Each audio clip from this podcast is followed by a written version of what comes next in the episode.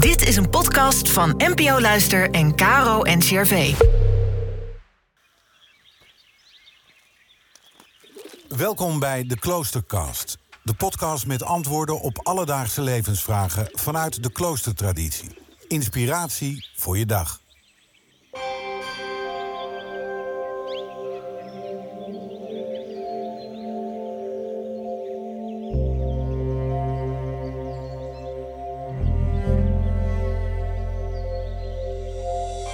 Vanuit het stadsklooster San Damiano in Den Bosch neemt broeder Hans-Peter Bartels ons mee in de wijsheden van Franciscus van Assisi. Voor Franciscus was de schepping heilig. Hoe zorgen we in deze tijd het beste voor die schepping?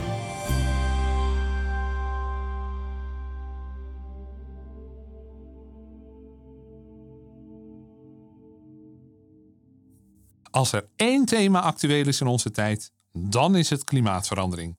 Of beter nog, het tegengaan daarvan. Het probleem is dat vele mensen een verkeerde grondhouding ten opzichte van de schepping hebben. Paus Franciscus omschreef die houding van sommigen heel treffend. Zij beschouwen haar als een provisiekast om er voor henzelf dingen uit te halen. Thuis werkt dat ook niet zo. Als bepaalde familieleden maar zonder overleg van alles uit de voorraadkast blijven halen, blijft er voor anderen niks over. Dat geeft ruzie. En laten we wel wezen, terecht ook. Het is belangrijk rekening te houden met elkaar. We moeten de schepping behoeden. De schepping is geen voorraadkast. Het is een groot cadeau van God aan ons, maar wel een cadeau in bruikleen. Als wij een verjaardagscadeau krijgen, gaan we daar toch ook voorzichtig mee om? Ons gedrag richting de schepping is echt anders. Alsof we het breekbare cadeau voor de ogen van de gever kapot gooien. Deze fundamentele ommezwaai is nodig. Het wordt ook wel ecologische bekering genoemd. We moeten terug naar het oude wereldbeeld. In de middeleeuwen, toen onze ordestichter Franciscus van Assisi leefde, bestond het begrip natuur nog niet. Er was enkel de schepping. Daartoe behoorde alles: de aarde, de planten, de dieren en de mensen. In latere tijden zijn we de mens, onszelf dus, steeds meer los gaan trekken uit die schepping. Ineens was daar de natuur, bestaande uit de aarde, de planten en de dieren, en daartegenover, en misschien wel boven, de mens. Ik weet nog dat toen ik jong was er een hele discussie gaande was over ganzen die op Schiphol woonden.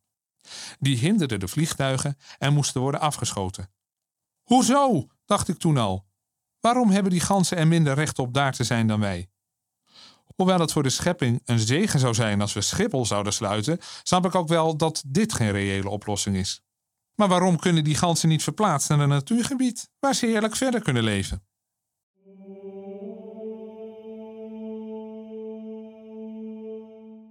We moeten terug naar die diepe verbondenheid die wij mensen via de schepping met de andere schepselen en de schepper hebben.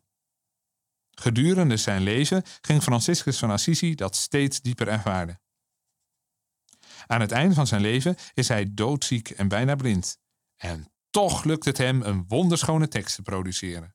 De lofzang op de schepselen, beter bekend als het zonnelied. Ik citeer er drie kleine stukjes uit. Wees geprezen, mijn Heer, met al uw schepselen, vooral door mijn Heer broeder Zon, die de dag is en door wie gij ons verlicht. Wees geprezen, mijn Heer, door broeder Wind en door de lucht, bewolkt of helder, en ieder jaargetijde, door wie gij het leven van uw schepselen onderhoudt. Wees geprezen, mijn Heer, door onze zuster Moeder Aarde, die ons voedt en leidt, en allerlei vruchten voortbrengt, bonte bloemen en planten. Met zo'n houding met zo'n verbondenheid krijgen we een hele andere kijk op de schepping, klimaat en klimaatverandering. En begint het besef klimaatverandering tegen te moeten gaan vanuit onszelf. Vanuit het getijdengebed is er dan een lofzang die er met kop en schouders bovenuit springt om ons hierbij te helpen. De lofzang van Daniel. Loof de Heer, alle schepselen Gods. Prijst en verheft hem eeuwig. Looft de Heer hemelse sferen, boden des Heeren, prijst hem. Looft hem wateren boven de hemel, hemelse machten, prijst hem. Looft de Heer zon en maan. Sterren des hemels prijst hem. Looft de Heer regen en dauw. Alle stormwinden prijst hem.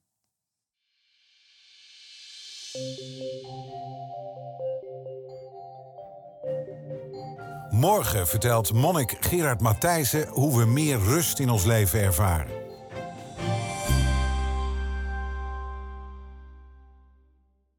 Dit was een podcast van NPO Radio 5 en KRO NCRV.